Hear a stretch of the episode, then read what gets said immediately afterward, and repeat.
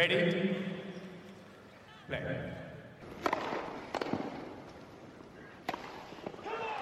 Merhabalar, Raket Servisi hoş geldiniz. Ben Gökalp. Ben Anıl merhaba. Roland Garros bitti. Artık biz de toprak sezonunu kapatıyoruz. Bugün şampiyonları konuşacağız. Roland Garros boyunca sizlerle yayınlar yaptık. Anıl sağ olsun gitti Paris'ten. her şartta, her alandan canlı yayınlar yaptı. Onun için yarı finale kadar gelmiştik. Yarı finalleri bir konuşmadık. Bugün yarı finaller ve asıl tabii şampiyonlar ve finalistleri e, kutlayacağız. Onları konuşacağız. Ondan önce Gökalp geçen yayında sen beni tebrik etmiştin. Bu sefer de ben sizin Türkiye kupanızı e, tebrik edeyim. E, o işte Teşekkür ederim. onu da aradan çıkaralım. Evet çok teşekkür Ama e, Roland Garros şampiyonun favorileri ya favorilerin şampiyon olduğu şekilde sonuçlandı. Uzun lafın kısası. E, heyecan seviyesi olarak kadınlar tarafı daha yüksekti. Erkekler tarafında genç neslin böyle Nolan'in bakışları karşısında tükenmişliğine böyle tur tur şahit olduk gibi. beklenenin üstünde gibi söyleyebiliriz ama herhalde. Ee, Novak Djokovic Kasper Ruud'u set vermedi ama set vermeden yakın setlerle geçti. 7-6, 6-3, 7-5. İlk sette acayip bir geri dönüş. Ee, kadınlarda ise Iga Świątek şampiyon oldu. Karolina Muchova'yı 6-2, 3-0 gidiyordu. Aha bir tane daha Iga galibiyeti diyorduk. Muchova orada bir butona bastı. 7-5 aldı ikinci seti. Üçüncü sette de öndeydi. Bir break öndeydi hatta e, sonlara doğru. Ama Iga geri gelmesini bildi. Üçüncü seti 6-4 ile kapadı. İkisi de üçüncü Roland Garros şampiyonluklarını kazandılar. Böyle düşününce çok garip Iga Świątek'in daha bu yaşta üçüncü Roland Garros'unu kazanması. Ama Novak Djokovic 23. Grand Slam'ini kazandı. Ya bu çılgınlığı biz her seferinde bu çılgınlığı konuşmaya çalışıyoruz.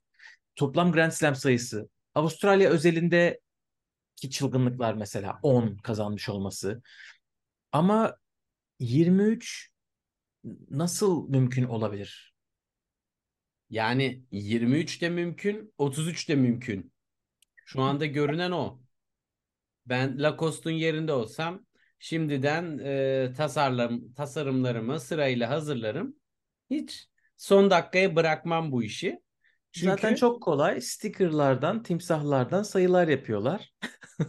24. Aa, o kadar vakit var. Bir tık yaratıcılığı arttırabilirler belki bu sefer. Bence de. 24 için güzel Bunun hikayeler bir çıkıyor. yarışmasını düzenli tasarım yarışması yapabilirler. Nolan'in 24. 25. 26. Grand Slam'leri için falan.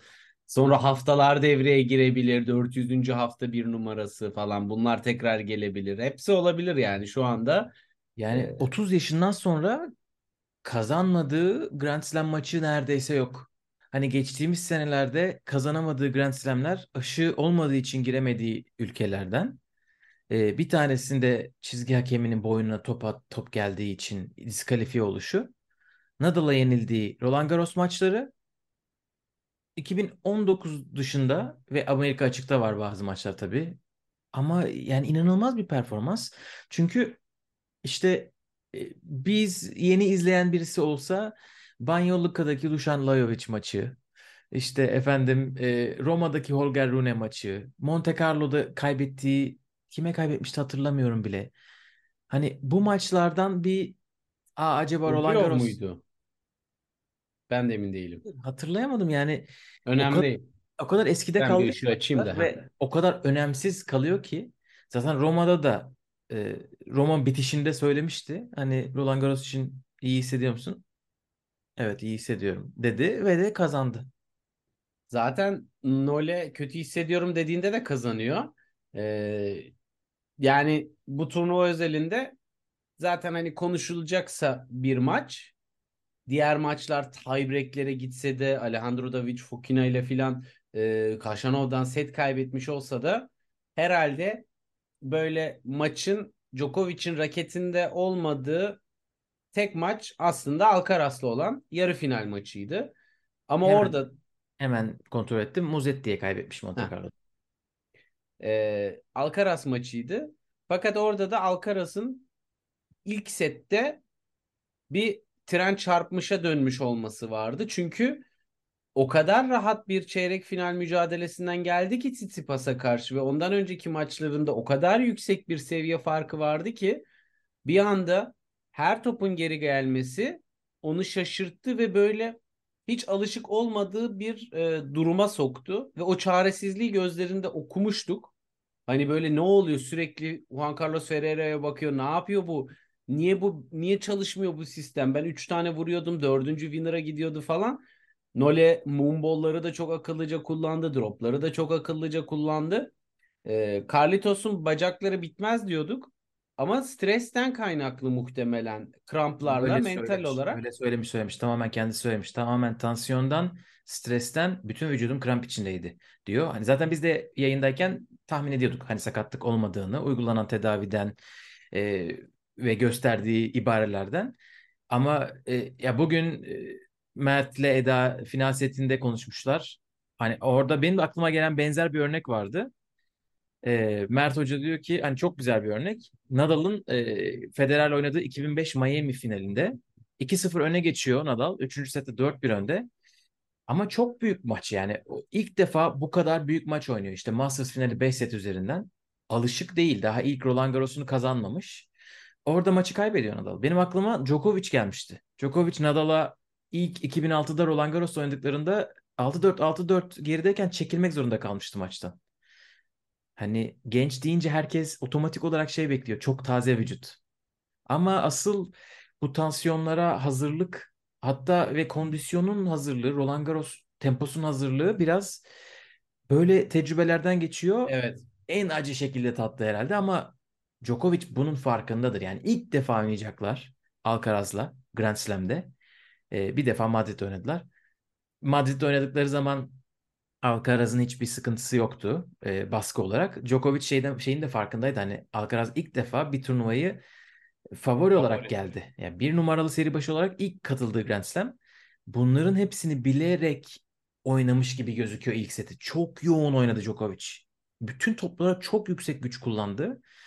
Ee, Alcaraz zaten heyecanlı mı diyorduk. Oradan kramp zaten 3. setin başında kendini gösterdi. Yani Nole'nin bütün turnuva boyunca uyguladığı vuruşlarındaki risk seviyesinin üstüne bir %30 koy öyle başladı maça. Ki hiçbir maça öyle başlamadı. Her maça tam tersi çok daha böyle basit hatalar, tempo düşük, böyle bir ritim bulmaya yönelik e, giriyordu maçlara ve çok rahat. Hani bir noktada tık kilidi çözüyor. Ondan sonra zaten 20 set daha oynansa 20'sini alacak durumda oluyor. E, burada tam tersi. Evet O doğru kadar diyorsun. yoğun Haşimova başladı ki karşı maça. ilk seti kaybetti. Davidovic'e karşı ilk sette tiebreak oynadı. Evet. Rude maçını gördük. İlk seti nasıl oynadığını. Alcaraz maçı bambaşka bir kafada çıkmış Djokovic. Evet yani Djokovic bunu e, Nadal maçlarında da yapıyordu. Özellikle hani her şeye rağmen hani o konuştuğumuz pandemi dönemindeki Nadal'la finalinde o tura kadar gelen ki Djokovic'le hepsinin çok daha üstünde bir performansla ilk saniyeden itibaren başlamıştı.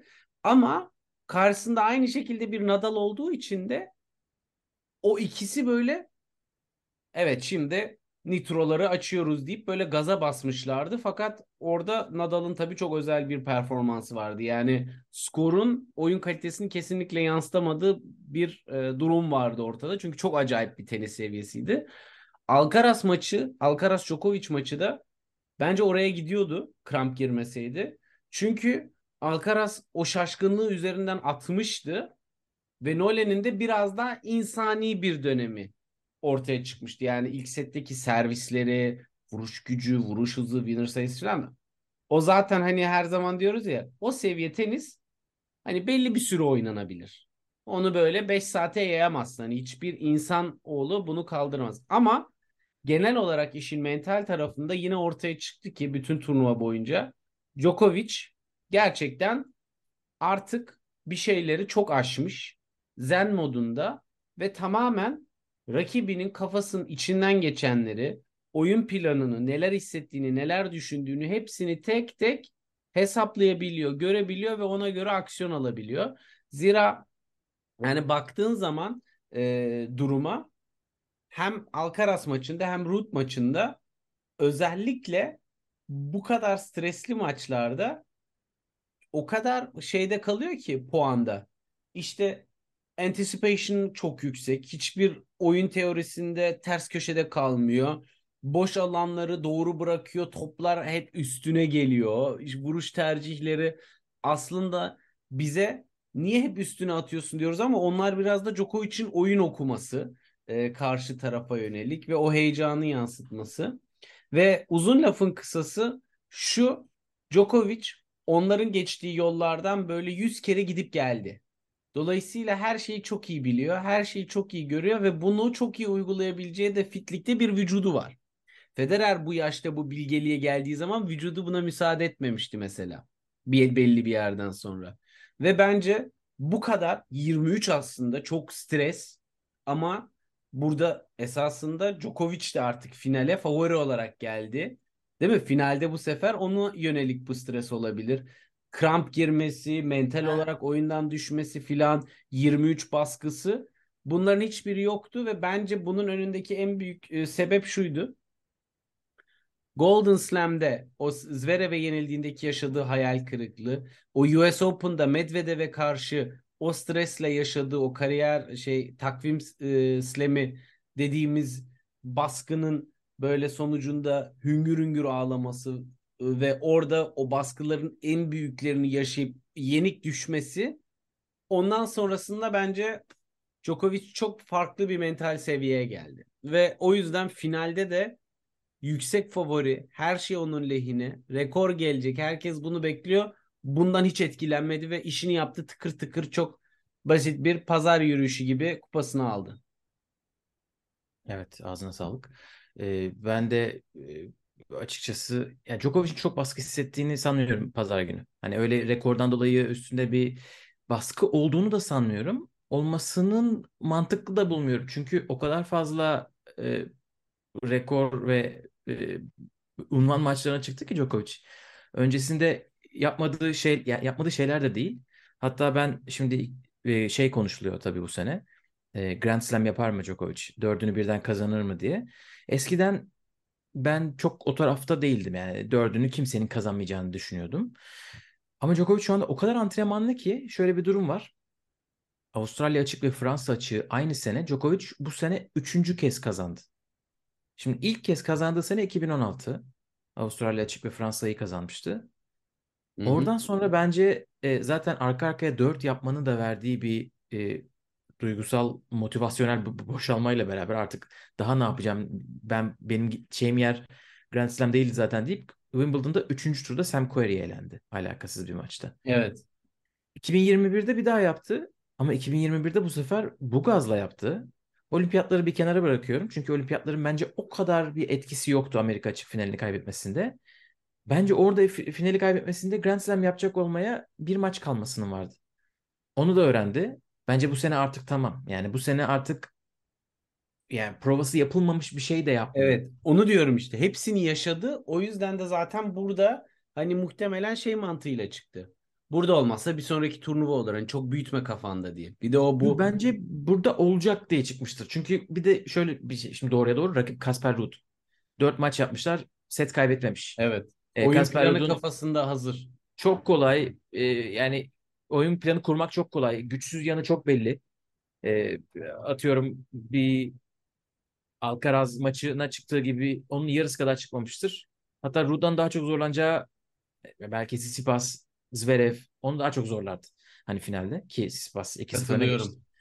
Hani bunlardan da dolayı çok rahat çıkmıştır demek lazım ama ilk sete de çok kötü başladı. Yani çok basit hata yaptı. Kasper Ruud ne kadar iyiyse Djokovic o kadar kötüydü. E zaten öyle e, 4-1 yaptı yanlış hatırlamıyorsam Kasper Ruud. Bir break öndeydi. Ondan sonra yavaş yavaş geri geldi. E, bu arada bazı istatistikleri de söyleyelim. E, tekrar bir numaraya yükseldi. Bu çok çok konuşulmadı. 23 çok daha önemli olduğu için bir numaradan. Bir numara rekoru zaten onda. Hani e, artık o pek gündem olmuyordu. Ama Alcaraz'dan bir numarayı geri aldı. Bütün Grand Slam'lerde üç, en az 3 kez kazanmayı başaran ilk erkek oyuncu oldu. Bilmiyorum bunu 3-4 sene önce hayal edebilir miydik? Ee, ama bunu yapan kadınlarda iki isim var açık dönemde. Serena ve Steffi. Erkeklerde de bir tek Novak Djokovic bu unvanı elinde bulundurmuş oluyor ve e, Grand Slam e, yenilgi pardon Grand Slam galibiyet serisi 21'e çıktı. Geçtiğimiz sene Roland Garros'ta Nadal'dan beri hiç maç kaybetmedi Grand Slam'lerde. Şaka gibi değil mi? İnanılmaz çünkü Amerika'yı kaçırmıştı tabii ki.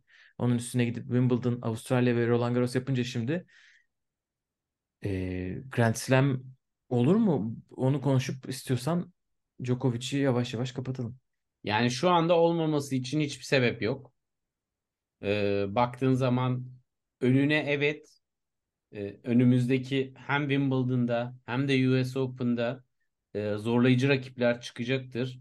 Ama Djokovic'in fiziksel olarak bir sıkıntı yaşamadığı bir dünyada e, şu anda önünde e, psikolojik avantajı Carlitos'a karşı da aldı.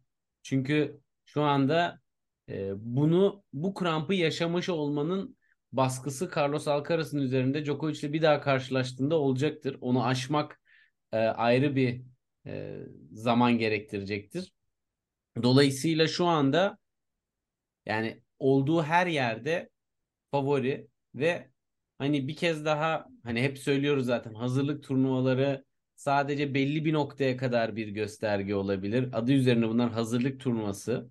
E, dolayısıyla hani Masters ne olur 500'lüklerde ne yapar? Hepsi böyle her şey olabilir. Ama Slam'lerde şu anda çok büyük bir uçurum var. E, Nadal'ın da geri döneceği meçhul. Nasıl geri döneceği çok daha meçhul. E, dolayısıyla Slam takvim Slam'i için ben çok bir engel e, görmüyorum. Çim zemin tabii Gökalp böyle müthiş bir günün olabilir. İnanılmaz servislerin olabilir ve o gün bir şeyler yapabilirsin. Ama Djokovic'in de e, kötü bir günü şu ana kadar çok görmedik. Çünkü Djokovic kötü oynayarak da çok rahat kazanıyor. Beni en çok bu noktada hani Evet. onu uzak ara favori dedirten şey çok iyi oynaması değil istikrarlı bir şekilde. Çok iyi oynamadan da taktiksel ve rakip çözümlemesiyle çok rahat maçları kazanması. Yani çok bir şey yapmasına gerekmiyor bazı noktalarda. Evet yani e, ben şöyle olduğunu düşünüyorum. Kötü oynadığı e, bir set olmuyor Djokovic'in. Kötü oynadığı belki 12 oyun oluyor ama 13. de kötü oynamadığı için o seti kazanmayı başarıyor. Evet. E, Ya bu sene özellikle tiebreak performansı çok konuşuldu. Anormal bir şey yani. İnsan kaç 6'da 6 yaptı. İlk defa bu kadar başarılı oynuyor bu arada. Onu diyor herhalde. Yani bunun kırdı. başka bir açıklaması yok. Ve hiç hata yapmıyor tiebreak'te. Çok ilginç. Evet, sıfır basit hata. Şimdi şuna bakıyorum. Grand Slam finallerinde oynadığı tiebreak'lere bakıyorum Djokovic'in. Son e, 13 tiebreak'in 11'ini kazanmış. E, kaybettikleri Berrettini'ye Wimbledon'da ilk set tiebreak'i kaybetmiş. Tsitsipas'a Roland Garros'ta ilk set tiebreak'i kaybetmiş. Yani bu, sadece bu Roland Garros'ta değil zaten. 2019 Wimbledon'da Federer'i 3 tiebreak'le geçmesinde de çok böyle akıllara kazınmıştı o basit hata yapmama olayı. Set Evet. boyunca oynuyor oynuyor oynuyor. Tiebreak'te öyle bir moda geçiyor ki e, şakayla karışık şey söylemiş e, Fransız televizyonuna. İşte biz e, 10 12 yaşlar gruplarında çok tiebreak oynuyorduk. Öyle alıştık falan. Belki ondandır. Bundan değil. E, bundan Ya olamaz. be- yeme bizi. Yeme E, bizi. ne, nasıl bir e, be- ya be- be- beynine hükmedebilme bence bu kendi başına inanılmaz bir yetenek. Bunun yüzünden de zaten çok maç değil çok Grand Slam kazandı. Saygıyla bu performansın önünde eğiliyoruz.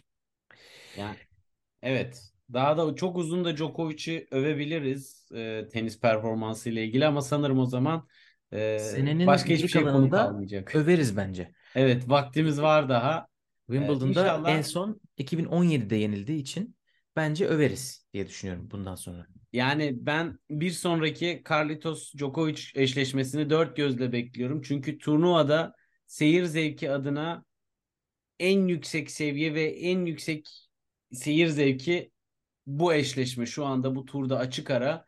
Alcaraz'la Djokovic oynuyor dediği anda maçı açmak herhalde normalin böyle 3-5 katı insanın hemen aklına gelir ve oraya yönlenir. Aynen bu kısmı kapatmadan kısaca bir Kasper Ruud da övebiliriz. Çünkü finale çıkacak gibi durmuyordu sezonuna baktığımız zaman. Ee, değişik performans gösteren rakiplerinin durumunu iyi değerlendirdi ama kendisi de gayet güzel tenis oynadı. Bu sezon boyunca oynadığı gibi oynamadı tenisini.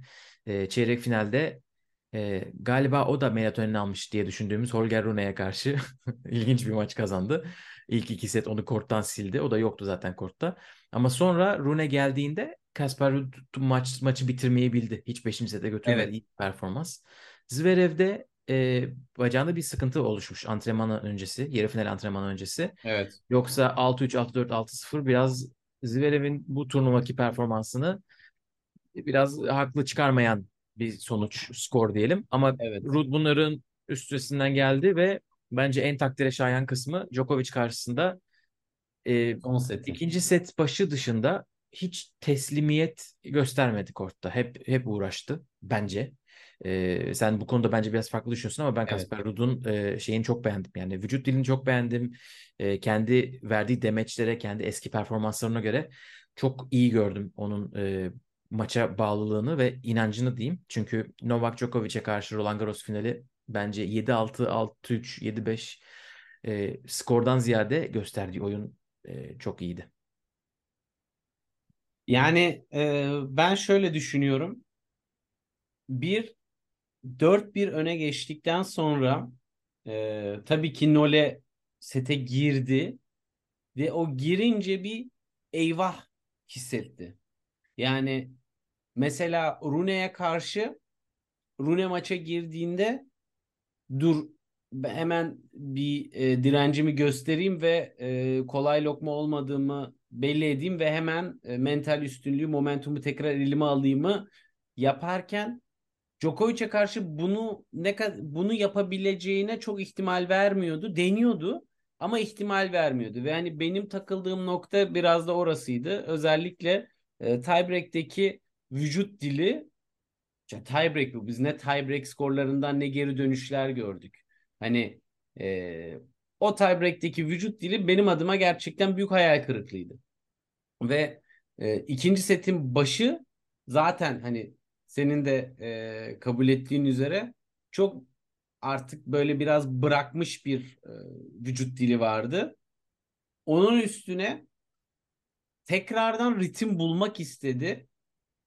Ama bence maçı kazanacağına dair o inanç değil. Sadece ben iyi tenis oynayayım'a dair bir inanç. Yani bir farklı bir şey yapmadı. Bir çözüm üretmeye yönelik bir şey, şey değiştirmedi benim gördüğüm kadarıyla. Mesela inanan bir Nadal'ı izlediğimiz zaman 20 tane farklı varyasyonu deneyip bir yerden rakibi nereden bozabilirim diye düşünüyor.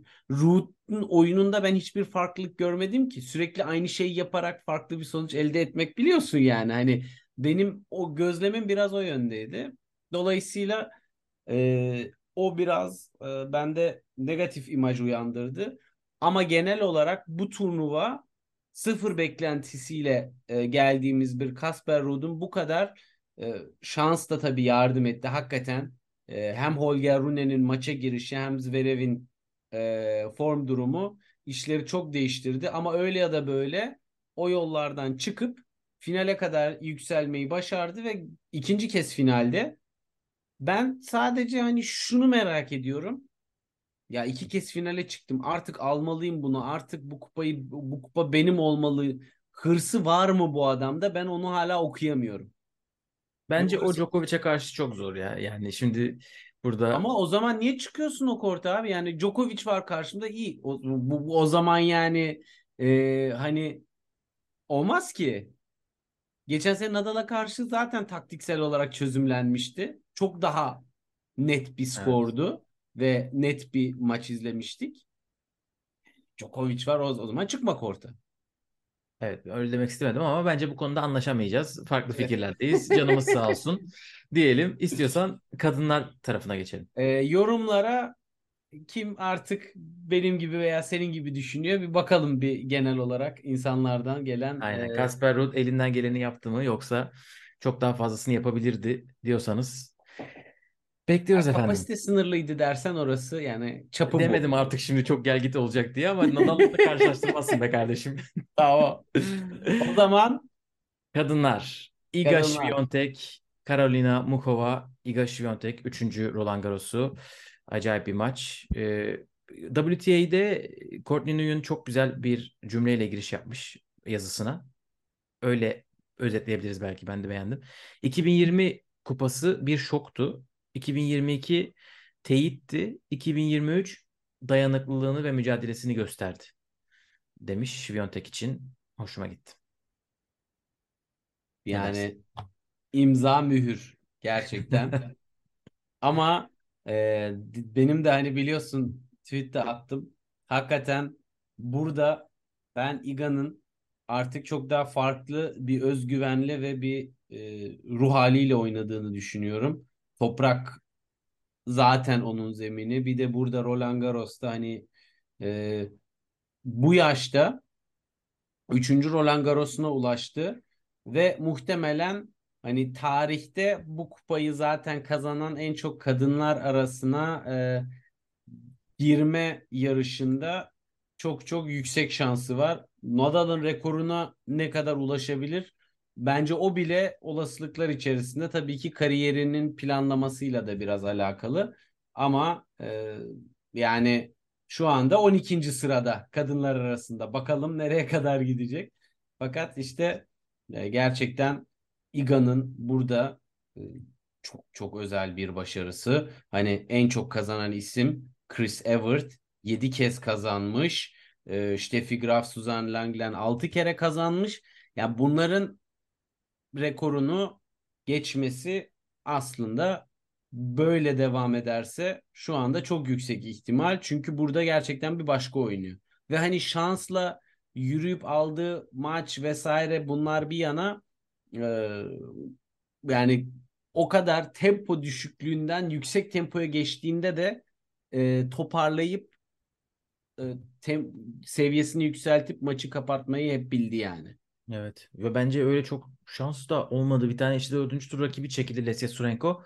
Ama Coco çeyrek finalde bence çok güzel oynadı. Yani geçen seneki Evet. finalle alakasız bir maç oynadı. Yarı final maçı Haddad Maya yani daha fazla bir insan inanamaz. Hani Iga Świątek'e karşı bence kadınlar Evet. tablosunda. Hani Haddad Maya neredeyse bir tane çok acayip bir kaçırışı var voleyi ki voleyleri çok iyidir. Ee, onu kaçırmasaydı tiebreak'i alıyordu. Üçüncü set bilmiyorum ne olurdu. Ama Karolina. Muchova zaten senenin maçlarından birini oynadılar. Muchova Sabalenka maçı değil tabii ki. Ee, çünkü o maç gerçekten inanılmazdı. Ama e, yani bu tabii özel bir gali- kupa oldu onun için. Çünkü Roma'da maçından çekilmek zorunda kalmıştı. Daha 2-3 hafta önce oluyor bunlar. E, Rybakina'ya karşı. E, hani Grand Slam'lerde nasıl fiziki olarak üst seviyeye kendini getiriyor, hazırlıyor. E, bu büyük oyuncu olma şeyi yavaş yavaş artık hamuruna yoğrulmaya başlamış. Hani çünkü Grand Slam'lerde sakatlananlar var genç yaşta. Çünkü Iga da çok genç yani. Evet. Bunları bu kadar bilecek kadar tecrübeli olmasını beklemek biraz e, bence hırslı bir davranış olur. Kaçıncı Grand Slam finali? Dördüncü Grand Slam finali. Dört, dörtte dört yaptı. Ee, ilk defa set kaybetti. Ama o da şeyi söylüyor. Ben de yeni yeni kendim bunu fark ediyorum işte. Çok iyi girmedi vücudum. Ama Grand Slam çok uzun. Hani onu düşünmeyi bıraktım. Sonunda belki şu anki gibi olmayacak. Hani iki hafta o, mantaliteyi e, hani oyuncular böyle bir sakatlıklar olduklarını söylediklerinde hemen karşı tarafın hayranları diyor nasıl sakat sakat şampiyon olabilir? Biraz cevap bunda gizli. Çünkü zaman çok uzun. Hani her Evet. gün bazı boş günleri var. O günleri nasıl değerlendikleriyle alakalı. Zaten Roma'dan sonra fizyom, koçum beni çok iyi hazırladılar. Darya ya- hep yanındaydı. Çünkü sürekli kafamda şey vardı. E, bir numara gidebilir ve sakat mıyım? Hani vücudum tam değil. Bunların üstesinden bir şekilde geldim. Bunları çok düşünmemeye çalıştım. Oyunumu oynadım diyor ama zaten en zoru da onu yapabilmek. Maharet orada aynen ben de onu diyecektim. Yani büyük isimleri işte ayıran e, diğerlerinden ve onları böyle efsaneleştiren hakikaten yoldaki bütün o tümseklerden odağı kaybetmeden konuda kalarak ve e, zihnen de sağlam durarak yola dümdüz devam edebilmekte ve bütün o kervanı yolda düze düze gide gide e, işi sonuca ulaştırma. Çünkü hakikaten baktığın zaman kağıt üzerinde 7 tane maç. Değil mi? Evet. Evet. 7 maç ve her maçın sonunda ayrı bir drama, her maçın sonunda ayrı bir soru işareti, ayrı bir denklem. Her tur öncesi farklı hesaplar bunların hepsini birini yanlış yapsan zaten orada e, muhtemelen şansın yanında değilse bitiyor turnuva senin için.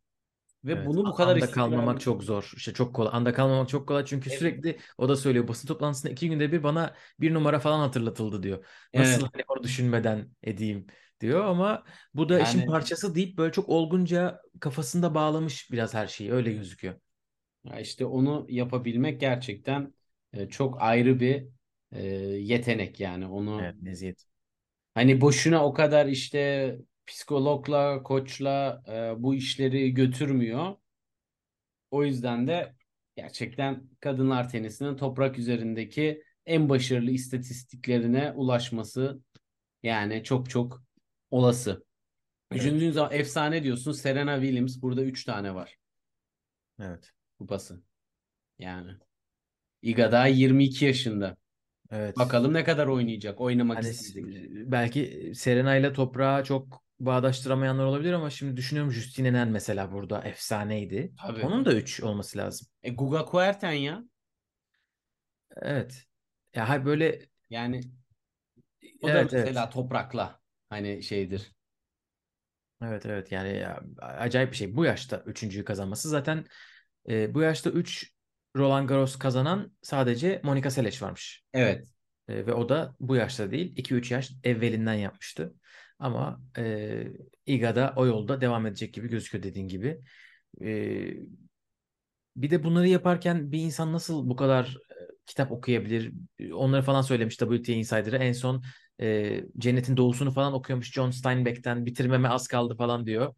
Ben bir iş yapacağım zaman kitap falan okuyamıyorum. Ondan ayrı bir hayranlık duydum. E, bir e, tebrik ederiz ne diyelim. Muhova konuşalım. Çünkü Caroline Muhova'yı çok uzun zamandır bekliyorduk. Böyle Yani, bir maçta e, olmasını. Gökalp şöyle söyleyeyim sana.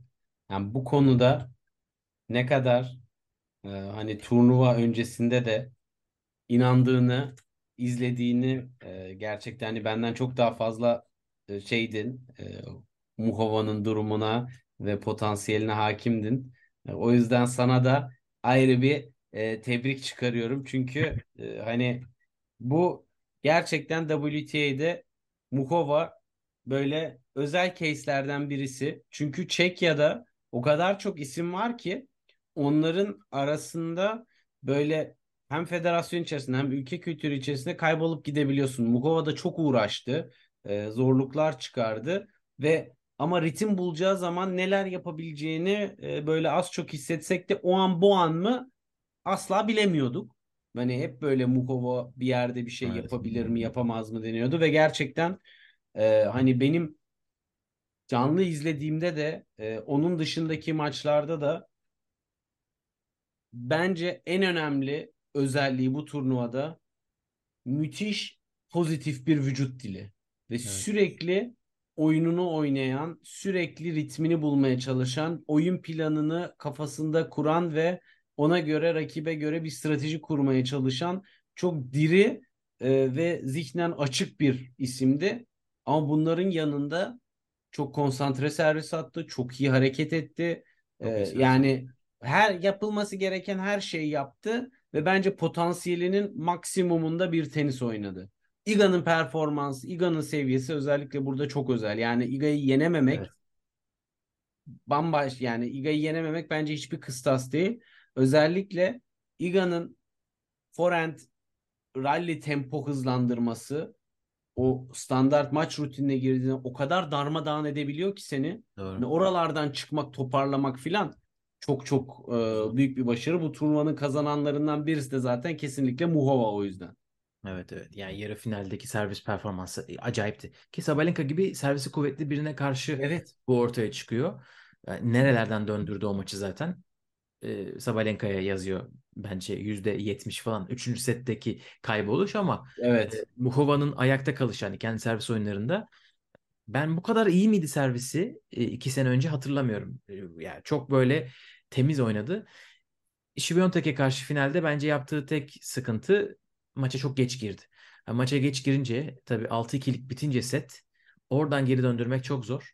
Ama ilk Grand Slam finaline herhalde normaldir. Ee, umarız bir sakatlık olmaz. Çünkü Muhova deyince ilk akla gelen kelime sakatlıktı senelerdir. Ama Evet. yani ben Sakkari maçından sonra ilk tur maçından sonra içime bir ses dedik ya acaba Muhova kazanır mı bu turnuvayı? Ee, ikinci turdan önce daha. Ama insan şey diyor yani bu, bu tahmin yapılmaz çünkü Muhova sakatlanabilir. Her şey Ee, olabilir Muhova'da. Sonra şeyi düşündüm. Bunu biz Muhova'yı senede 5-10 defa izleyen insan düşünüyorsak koçu kafayı yiyordur. Hani çünkü o potansiyeli görüyor ve sonunda ilk defa bu kadar sonlara kadar geldi. Açıkçası Grand Slam ikinci haftası vardı. Muhova'nın iki Wimbledon çeyreği var. Avustralya açıkta Ash Barty'yi yenip yarı finale çıktı. Ama final ve kupa onlar daha çok yani her gün bekliyorlardır büyük ihtimalle. Ee, büyük Ne zaman bir arıza çıkacak?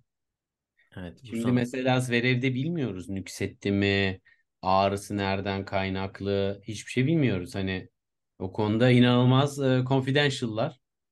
Hani bir kere oldu mu o iş çünkü ne zaman nerede ne çıkacağını asla bilemiyorsun sonuç olarak. Ve onun da oyuncuya psikolojik etkisi tabii ki bambaşka. Hani ne dersen de. Evet kadınları da bu şekilde konuşmuş olduk. Diğer şampiyonların üstünden istiyorsan çok hızlıca bir okuyayım. E, çift Olur. erkeklerde Ivan Dodig ile Austin Krajicek kazandılar. Çift kadınlarda Shea Suwei, Wang Xinyu ile beraber şampiyon oldu. Çok nerelerden döndürdüler maçı. Taylor Townsend ve Leyla Fernandez'i geçtiler. Ay, orada Fernandez'e de içim burkuldu ya kızın hüngür. Evet. Evet. Baya baya yakınlaşmışlardı. 6-1 6-6 oradan tiebreak'i kaybedip 6-1 kaybettiler son set.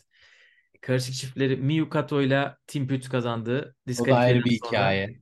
Aynen. Bu arada çift kadınlarda da Wang Xinyu 6-0 6-0'la bitirmemiş oldu. Çünkü Świątek'e double bagel kaybetmişti ama kupayla terk ediyor Paris'i. O da nasıl bir şekildir? Aynen. Şey Suvey de bu arada daha ilk turnuvalarından biri bu. Ee, o da doğumdan geldi. Taylor Townsend'in çocuğu artık kaç yaşında? Ee, değişik bir yere gidiyor WTA bu anlamda. Güzel bir yere gidiyor. Ee, erkeklerde, juniorlarda Dino Prizmic e, ikinci geçen sene final oynamıştı burada. Bu sene kazandı.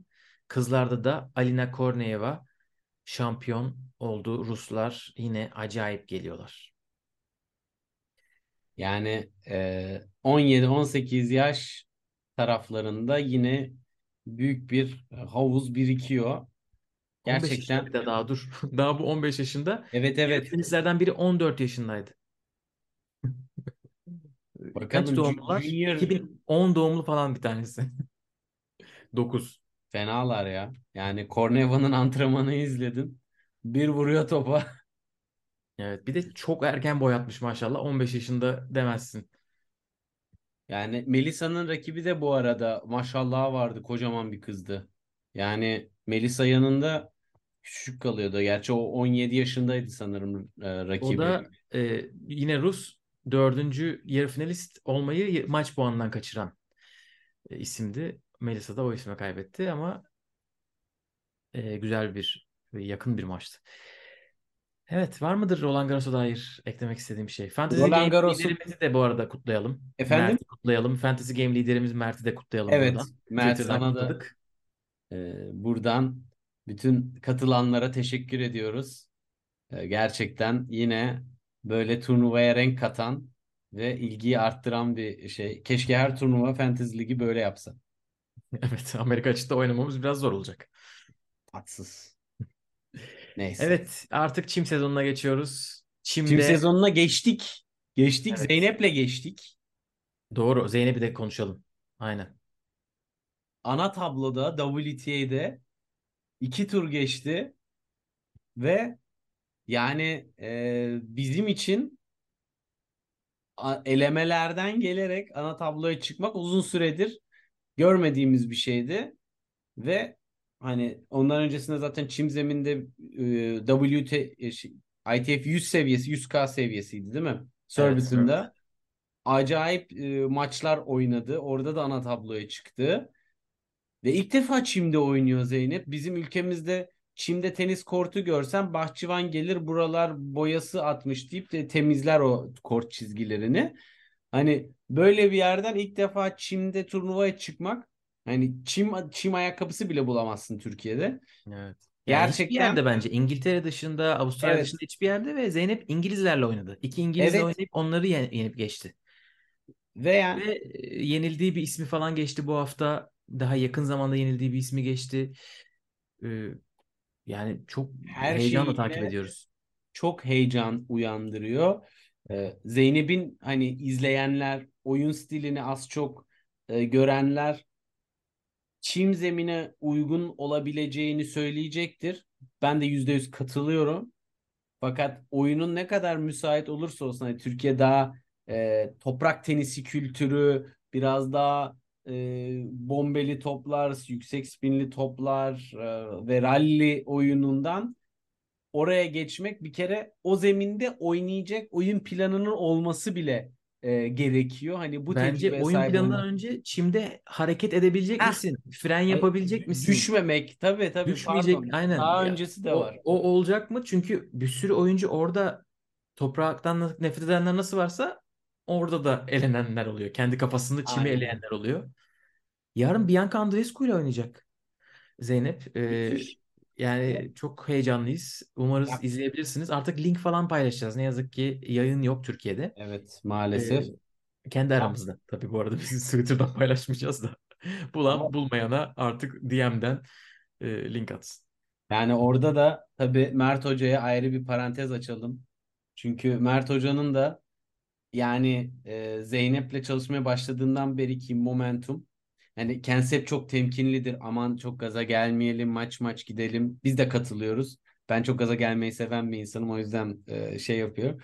Ama onun e, maç hafızası, oyuncu bilgisi, taktik bilgisi e, bu kadar az tecrübeyle doğru bir oyun planının kurulmasında çok çok büyük payı olduğunu ve Zeynep'i mental olarak onun bilgi birikiminin de hazırladığından eminim. Dolayısıyla onun da bu başarıdaki katkısını ekstra e, da dile getirmek gerekiyor. Bakalım.